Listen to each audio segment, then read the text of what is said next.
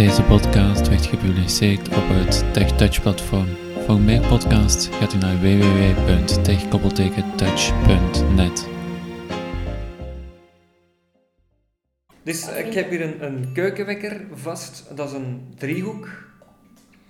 En je voelt uiteraard iets waar je het kan opwinden. En je moet wel zien dat de kant waarmee je opwindt, dat die goed staat. Dus je hebt een smalle kant en je hebt een brede kant aan het uh, dingetje dat je moet opwinden. En uh, de smalle kant, de punt, moet op de 12 staan. Dan kan je dus ook weten waar je je bevindt en hoe je het, het uh, materiaal kan opwinden. Je hebt dus de 12 en dan heb je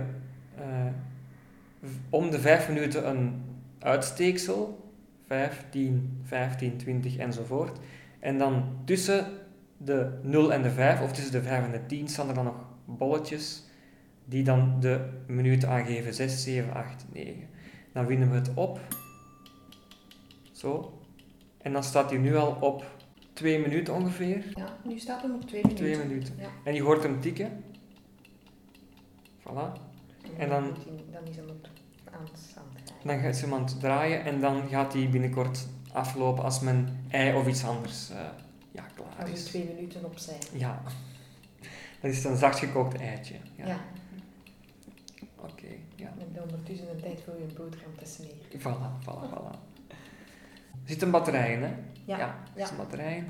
Zit de batterij erin al bij het begin? Of? Ja. Ah ja. En je kunt het ophangen, zie ik. Ah ja.